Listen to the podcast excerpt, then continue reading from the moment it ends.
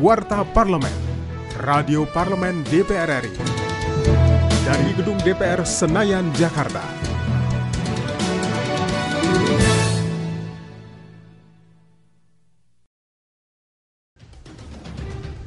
Wakil Ketua DPR RI bidang Korkes Ramuhaimin Iskandar memimpin rapat secara fisik dan virtual beragendakan pergantian posisi Wakil Ketua Komisi 9 DPR RI dari fraksi PDI Perjuangan. Anggota DPR RI Charles Honoris menggantikan rekan satu partainya, anggota DPR RI Sri Rahayu sebagai Wakil Ketua Komisi 9 DPR RI.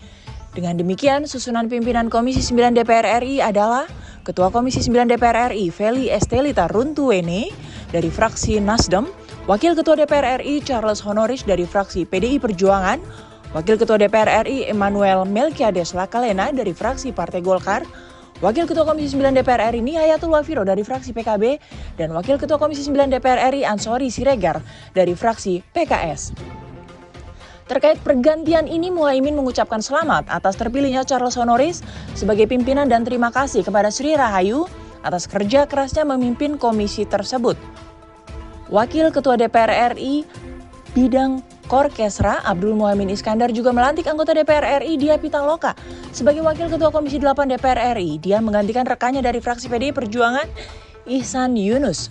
Dalam rapat yang digelar secara terbatas dan menerapkan protokol kesehatan di Gedung Nusantara 1 Senayan Jakarta, Senin 8 Februari, Muhaimin membacakan keputusan fraksi PDI Perjuangan dan diakhiri penyerahan palu sidang kepada dia dan pimpinan Komisi 8 DPR RI.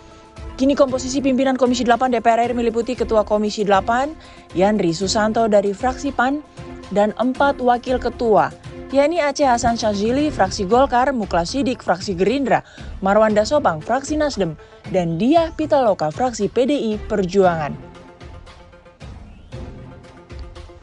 Pers terus berkontribusi mengawal demokrasi dan membantu pemulihan ekonomi melalui informasi yang membangun demi kemajuan bangsa. Tema HPN yang diangkat pada tahun ini yaitu bangkit dari pandemi, pers sebagai akselerator perubahan dan pemulihan ekonomi. Aziz menjelaskan pers di era reformasi menjadi salah satu pilar demokrasi setelah lembaga eksekutif, legislatif, dan yudikatif. Sehingga Aziz berharap pers merupakan hal yang sangat penting dalam kehidupan berdemokrasi di Indonesia saat ini dalam melakukan fungsi kontrol terhadap pemerintah.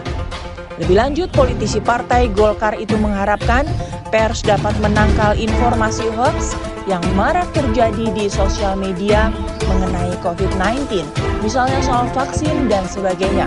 Karena itu Aziz Samsudin menekankan pers sejatinya dapat meluruskan mengenai hoax tersebut sehingga dapat menciptakan situasi kondusif di tengah masyarakat, terlebih di tengah pandemi COVID-19 yang selama ini dialami seluruh dunia. Pers harus dapat menjadi penyambung informasi yang baik kepada masyarakat. Semoga seluruh insan pers dapat melakukan aktivitasnya dengan selalu menjaga kesehatan dan imun tubuh dengan menerapkan protokol kesehatan karena kita harus selalu ingat bahwa keluarga menanti di rumah. Tutup pimpinan DPR RI, Koordinator Bidang Politik dan Keamanan itu. Demikian Warta Parlemen, Televisi dan Radio Parlemen, Biro Pemberitaan Parlemen, Sejen DPR RI, saya Ratna Apsari.